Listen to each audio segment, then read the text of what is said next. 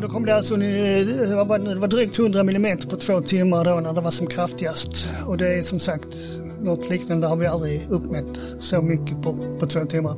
100 mm, det är alltså 100 liter per kvadratmeter. Mm. Det är mycket vatten. Mm. Ja, det blir fruktansvärda mängder. Jag översätt det i mjölkpaket. Så blir det en stor hög.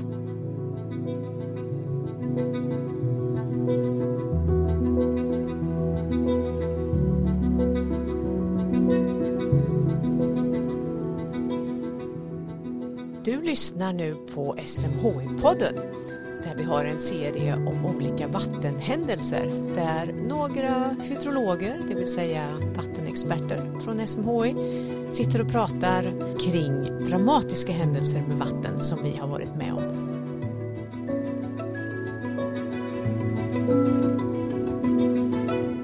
Men hej, sitter ni här? Ja, jajamän, här Det är var jag. kul. Här är jag. Ja. Vad är, vad är ni för några då? Ja, jag är ju Niklas Hjärt, hydrolog här vid SMHI. Och jag Jonas Olsson, jag är också hydrolog på forskningsavdelningen. Och så är jag dessutom på lite deltid eh, adjungerad professor på Lunds universitet. Jaha. Vem är du? Ja, jag heter Berit Arheimer, jag är professor i hydrologi här på SMHI. Och vi tre ska prata om skyfallshändelsen i Gävle sommaren 2021. Ja, hur var det, hur fick ni reda på det när ni vaknade på morgonen? Kommer ni ihåg det? Jag kommer inte, det var inte så här liksom att som när Palme blev skjuten. Vad gjorde du med? Det, det kommer jag ihåg. Det, Men det här, jag- professor Olsson, här är det, det- det- Sverigerekord ja, och jag kommer inte ihåg vad du gjorde. Nej, det är pinsamt. Nej, det här, jag vet inte, jag har inte samma sådär liksom flashbacks av jag, var var jag. Men Jonas, du är ju skyfallsexpert och kan allt om detta. Och du forskar på, på skyfall. Så vad var det egentligen som hände i Gävle? Vad hände i Gävle? Jo, det regnade ju något fantastiskt mycket där eh, strax efter midnatt den 17 augusti 2021. Um, och vi hade ju sett det komma kan man säga um, här på SMHI att vi hade ju utfärdat en del risker och varningar innan då så att um, det kom ju inte helt överraskande även om mängderna var överraskande stora. Så att redan då dagen innan, eller ja, nej faktiskt två dagar innan den 15 ehm, augusti så gick det ut en risk för, för stora regnmängder. Men sen då på förmiddagen den eh, 17 augusti så uppgraderade man den här varningen till att bli en klass 2 varning för stora regnmängder. Och även eh, höga flöden då klass 1 tror jag det var. Men det här med klass 2-varningar för eh, stora regnmängder det är väldigt, väldigt ovanligt. Det har vi bara utfärdat vid ett, ett fåtal tillfällen tror jag. Så det regnade ett bra tag, men när drog det riktiga rejäla skyfallet igång? Ehm, ja, vad kan det ha varit, en halvtimme, en timme efter midnatt så började det ösa ner och sen höll det då på i, i nästan två timmar och där kom ju då 100 millimeter på två timmar.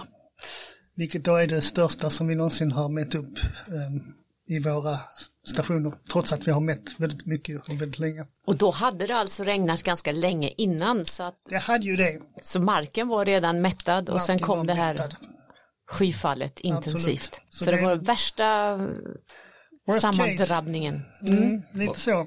Men eh, nej, men precis, det hade regnat väldigt mycket innan. Alltså det kom, jag tror det kom nästan 40 millimeter under dagen, eller dygnet 17 där. Så att det är ganska Det är ju redan det. mycket, ja precket, Ja. Mm. då, är ju, då är ju marken mättad så sen det som kommer mättad. då rinner det ju på ytan så att säga.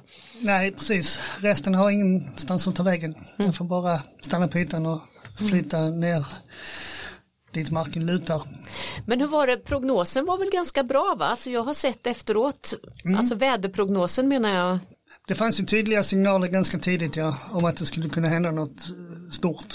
Det, det syntes ju, för att vara ett skyfall så var det ju var det ovanligt väl, ja, väl prognoserat, eller vad man ska säga.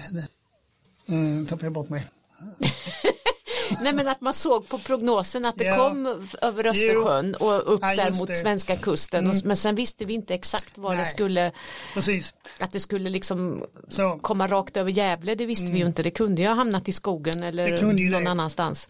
Det är det man aldrig vet med skyfallen. Det är det som är så, så svårt med dem, att de är, de är så oförutsägbara kring var de väljer att dimpa ner. Att de skulle kunna, det skulle mycket väl kunna ha hamnat bara ja, ute i havet eller någonstans ute i skogen och då hade vi knappt, då hade vi kanske inte ens vetat om att eh, det är många skyfall som vi aldrig känner till som bara Smiter emellan. Ja, de gör det. Detta smet inte emellan. Nej, så att det hände ju där på natten där. Det var alltså verkligen precis efter midnatt. Det var också ganska speciellt. Sådana här kraftiga skyfall och inträffar ju ganska ofta på, på eftermiddagarna. Efter att det har blivit uppvärmt under dagen. Och då bildas det liksom eh, goda förutsättningar för sådana här kraftiga skyfall. Konvektion, som det heter. Men luften stiger kraftigt för att det blir uppvärmt på, på markytan så Precis att luften så. blir lätt och stiger upp och så kyls den av och så blir det regn. Konvektionsregn. Men den här det. kom då över Östersjön Ja. istället. Men då kom det alltså, det var, bara, det var drygt 100 millimeter på två timmar då när det var som kraftigast. Och det är som sagt, något liknande har vi aldrig uppmätt så mycket på, på två timmar. 100 millimeter, det är alltså 100 liter per kvadratmeter. Totalt 160 millimeter under hela händelsen. Det är mycket vatten. Ja, det blir fruktansvärda Jag mängder. översätter det i mjölkpaket. Så blir det en stor hög Precis. med mjölkpaket. Men det, då man kan säga att det motsvarar alltså om vi har en villaträdgård på ungefär 1000 kvadratmeter kan väl en villaträdgård vara på. Då skulle det vara 160 000 mjölkpaket. Ja, det är, det är stora mängder. Hur många kor motsvarar det? Alltså, vad sa du, hur många kor?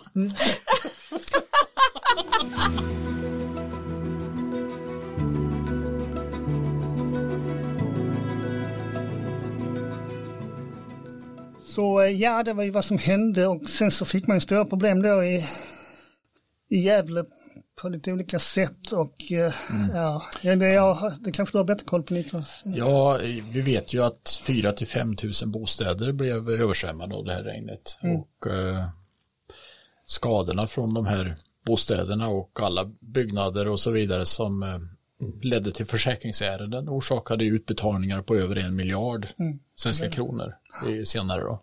Så att stora ekonomiska skador blev det, men som tur var ingen dog i händelsen. Men det var väl fyra som lindrigt skadades. Annars har vi ju också delat upp eh, skadorna på två olika typer av översvämningar som man brukar prata om pluviala och fluviala och det kanske professorn kan förklara. Vad är det?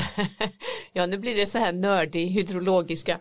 Ja, nej, pluvial, det är ju sån översvämning som kommer sig av eh, ren nederbörd, att det regnar för mycket på en hårdgjord yta. Den kan ju vara hårdgjord, det kan ju vara asfalt eller det kan vara mark som är väldigt tillplattad eller hård så, så att det rinner direkt på ytan. Så det är en pluvial översvämning. Så Som har vi, med vatten. ja, precis, att det kan också vara mm, mättat, ja, med vatten, precis, underifrån. Och det vattnet letar sig ju oftast till lågpunkter någonstans och då, då är det de som drabbas så att säga. Ja, men sen fluvial översvämning, då är det ju snarare att det är ett vattendrag som översvämmar. Så då är det intill i kantzonerna och i strandkanten, att det är där som det svämmar över. Då säger man att det är fluvialt. Ja, så att eh, i det här fallet då, då förekommer ju båda typerna. Ja. Eh, de pluviala översvämningarna, det var ju framförallt i de här lågliggande områdena. Så man gjorde en karta sen över eh, vilka källare som hade översvämmats och eh, vart de här lågt liggande områdena fanns så stämde den ju ganska bra överens vad jag förstår. Men inte helt därför att eh, en del av de här källaröversvämningarna orsakas ju av ledningsnät som, som går baklänges så att säga. Så att man är- får översvämningar även om man inte ligger i en sån här zon som egentligen är låglänt. Nej, precis. Så att det är ju inte så trevligt. Men Nej, fy att få in en massa skitvatten Ja, ja, huset. det är ingen höjdare. inget roligt. sen är det ju de här fluviala översvämningarna från vattendragen och de förekommer ju också här och framförallt de små vattendragen tror jag som, som får mycket av sin, eh, sin, sin tillrinning ifrån det här området där det föll ett skyfall. Då. De stora vattendragen eh, hade inte riktigt samma eh, höga flöden därför att de samlar ju upp vatten ifrån ett mycket större område så att det kanske bara till del låg i det här skyfallsdrabbade området. Men, men eh, de, de var inte så extrem som de här små vattendragen, de var uppe i hundraårsflöden i det här tillfället då, så att det var väldigt extremt.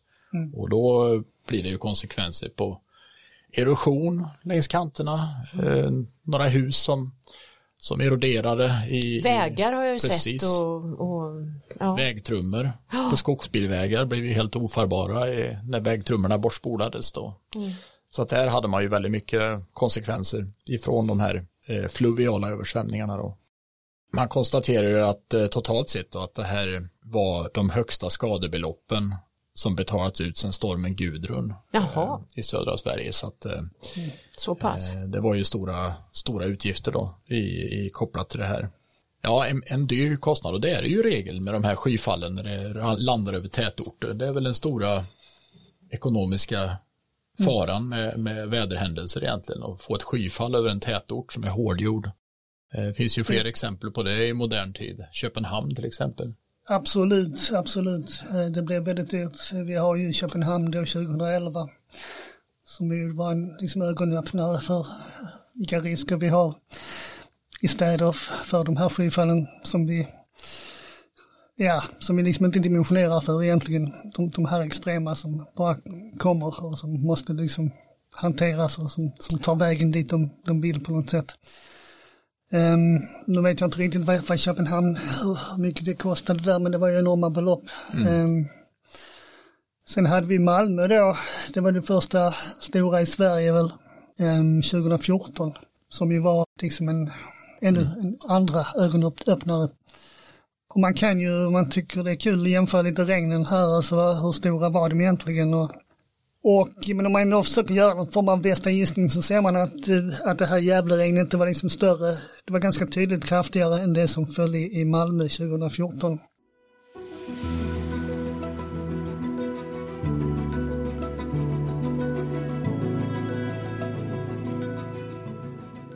Men alla de här händelserna är ju relativt eh, i närtid. Eh, Var det aldrig någon sån här problem förr? Typ Det har det 70, väl 80, 90-tal. funnits. Man är ju, den är ju väldigt matad med de här ganska nutida händelserna. Men Fast det är väl större värden nu för tiden. Mm. Det är väl det som har hänt att samhället har blivit mer och mer sårbart då för att vi har ja, det- vi har mer infrastruktur som kan gå sönder idag än vad Mm. vi hade förr.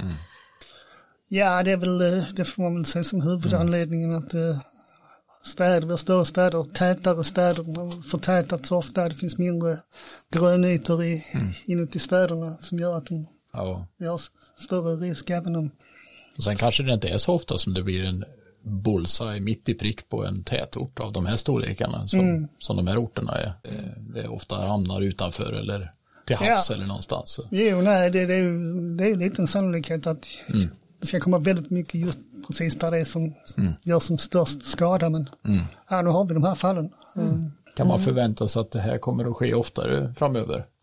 Är det någon sån, finns det någon sån prognos?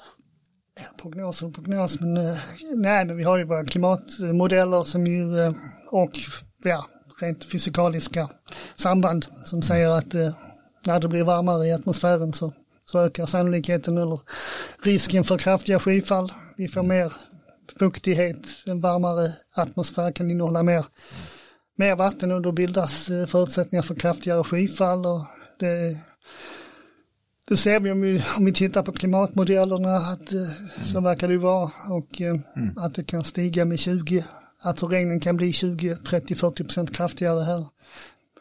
Men är det någonting man skulle kunna göra för att skydda sig mot det här i, i framtiden? Vad, vad kan man göra i de här städerna som, som redan ligger där de Det jag, ligger? det jag tänker att vi får ju inte glömma det här med att man måste minska utsläpp av växthusgaser Mm. så att vi kan vända den här trenden. Det tycker jag, det, det glömmer Mm. ofta vi hydrologer men, men det är ju faktiskt det vi alla måste Mm. kämpa med i första hand.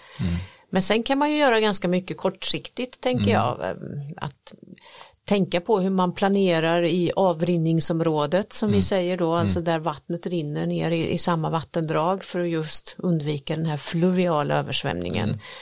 Eh, tänka på att man har tillräckligt med, med buffertkapacitet så att säga i, i området då. Sjöar, jättebra buffertar, kanske även våtmarker, dammar och så vidare för att liksom hindra det. Ja, men känslan är väl att den där skalan har vi lite mer på fötterna. Där har vi liksom jobbat längre tid och vi förstår avrinningsområden och sådär i, Men de här tätorts... eh, Ja men då folk får ju, man får ju installera sådana här backventiler. Nej men annars är det väl att man kan koppla bort stuprör och dränering från spillvattennätet så att man inte belastar eh, det här nätet och försöker omhänderta vatten på egna tomten om man har möjlighet att liksom. Och ha grönytor, inte Precis. Mm. asfaltera och lägga sten överallt utan försöka ha grönytor och, och mark där, Mm. där det, vattnet kan rinna ner då lätt. Och Många av de här tipsen är ganska fåniga när det gäller riktigt stora skyfall men de kanske tar bort Ja. Mm. effekterna av de här lite små skyfall eller medelstora skyfall men, men de här riktigt stora skyfallen de har vi ju svårt att, Mm. Att rädda oss mot faktiskt. Nej men precis. Och där handlar det nog om att liksom, att- där är det mer stadsplanering och försöka få vattnet och liksom tänka på, på det redan i ett väldigt tidigt skede. Att när man planerar staden att vattnet har, kan röra sig på ett sätt som ger, ger minimal skada.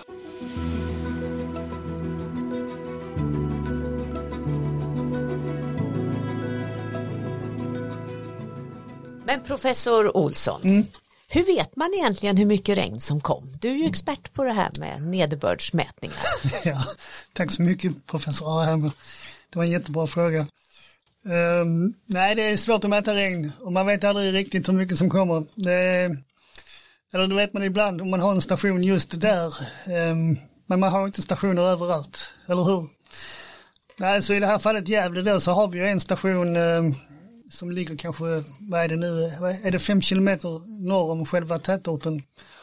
Och den mätte ju då upp totalt 160 millimeter här under det här, ehm, under det här regnet.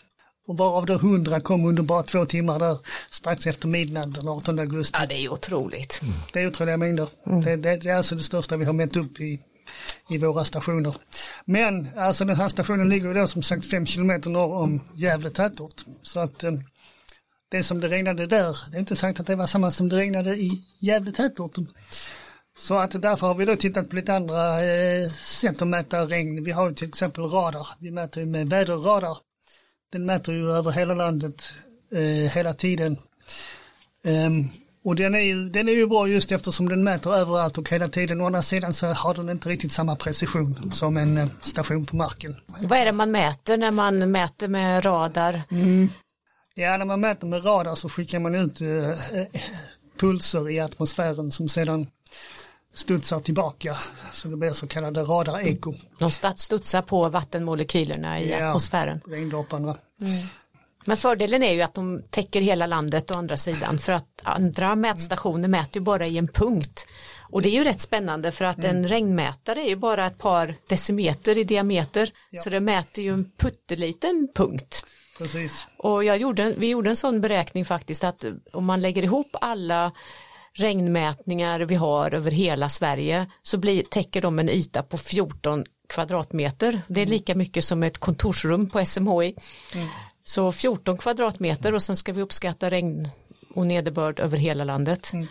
Det, är, det är ganska missvisande. Men då mäter ju radarn över hela Sverige då heltäckande.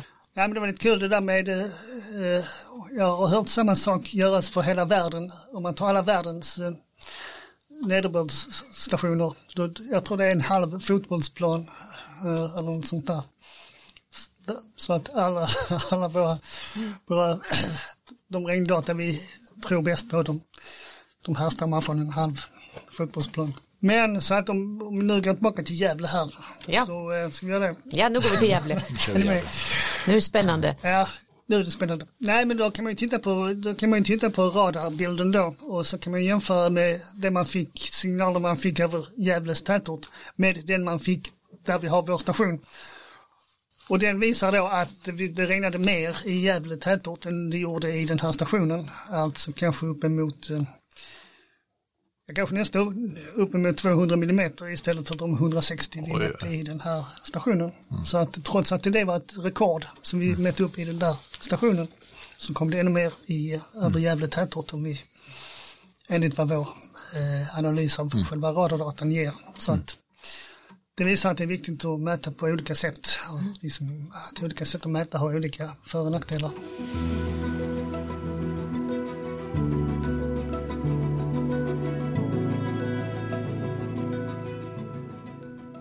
Men professor Olsson, professor Arheimer. Topp ja, top tre Topp tre, av skyfall. oj. Dina favvo Mina favoriter. Ja, vad är det för några? Ja, alltså favoriter, jag vet inte egentligen så vill jag inte prata om favoriter för att det är ju det är ändå skyfall som kan skapa en hel del oreda och ställa till det ganska mycket för folk. Det är rätt jobbigt att bli översvämmad. Så att, eh, men eh, man kan kanske mer prata om eh, minnesvärda eller anmärkningsvärda skyfall. Vi får ju hoppas att lyssnarna har förståelse för att vi är hydrologinördar och det här med regn är ju väldigt centralt för oss Ja, så att eh, det det. vi går ju igång på lite konstiga saker men, Mm, precis. men eh, Nej, ja. vi sa oss gillar regn. Ja. Nej, men vi börjar då, alltså min första, första regnet på min lista, det måste då bli eh, fallet Daglösen. Daglösen, Daglösen. var ligger. Daglösen?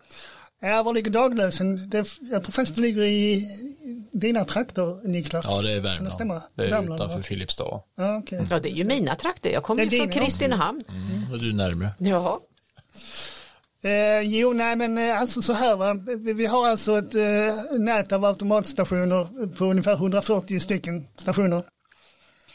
Och de har vi alltså mätt regnet varje kvart sedan mitten på 90-talet. 140 stationer och så ungefär 27 års mätningar varje kvart. Hur många kvartar har vi mätt regn? Kan jag göra ett överslag där? Hur många kvartar blir det? 140 stationer under 27 år. Uff, Ja, det är svårt. det blir svårt ja. Tänk snabbt. Nej, men jag kan säga det.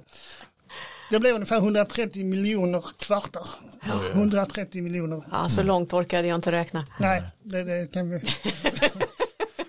inte jag heller, men Excel kunde. ja, och av alla de här 130 miljoner kvartarna så är det en kvart som är vinnaren, alltså den kvart där det har kommit mest ja. regn. Jaha, är det Daglösen? Det är daglösen. Oj, Det var kvarten från kvart över tre till halv fyra på eftermiddagen den 3 juli 2000. ja, Då kom det drygt 40 millimeter på denna kvart. och det var, det var ett skyfall det. Mm, det var det. Ja, det håller jag med om. Mm. Så att eh, den, den kan man inte komma förbi den här kvarten. Nej. Och vad är nummer två på listan? Topp? Eh, ja, nummer två och tre är ganska lika egentligen. Och, då, alltså de mest på något sätt spännande skyfallen är kanske de som är väldigt lokala. De som liksom verkligen bara dyker upp, vräker ner och sen liksom försvinner igen. Kortvariga men extremt intensiva.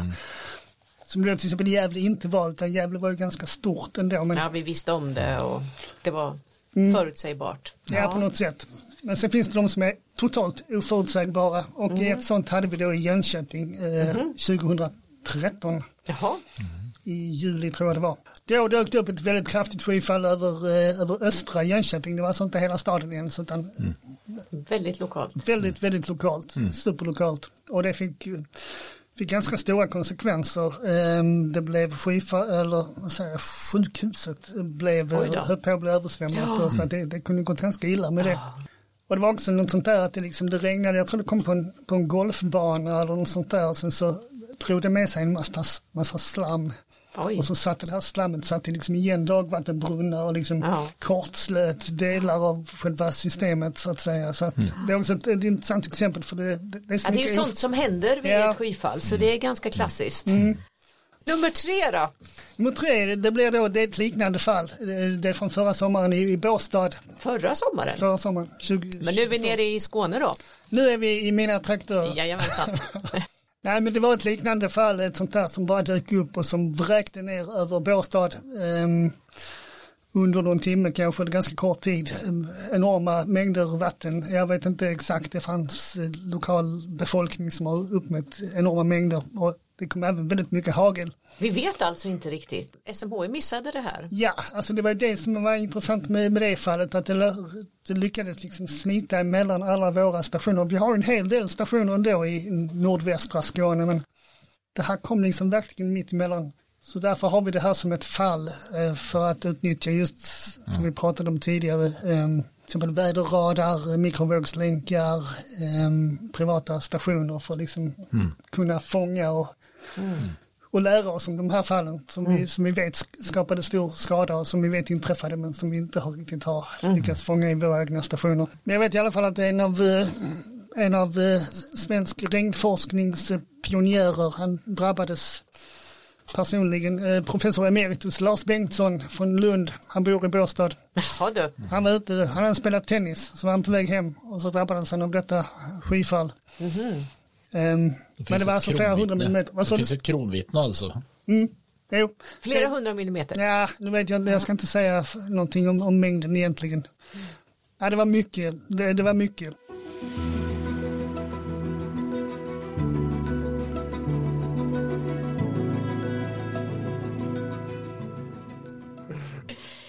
Ja, hörni, det var jättekul att prata skyfall mer tycker jag. Ja, Var det det? Ja, det får vi göra fler gånger. Eh, och eh, ja, jag vill tacka. mm, det var väldigt trevligt att prata med, med er om det här. Och tack till Tack det. professor Det jättekul att vara med. framförallt som bidrog med sin expertkunskap. Tack för det. Tack för det. Tack. Hej! Hej. Hej då! Du har lyssnat på en podd från SMHI, Sveriges meteorologiska och hydrologiska institut.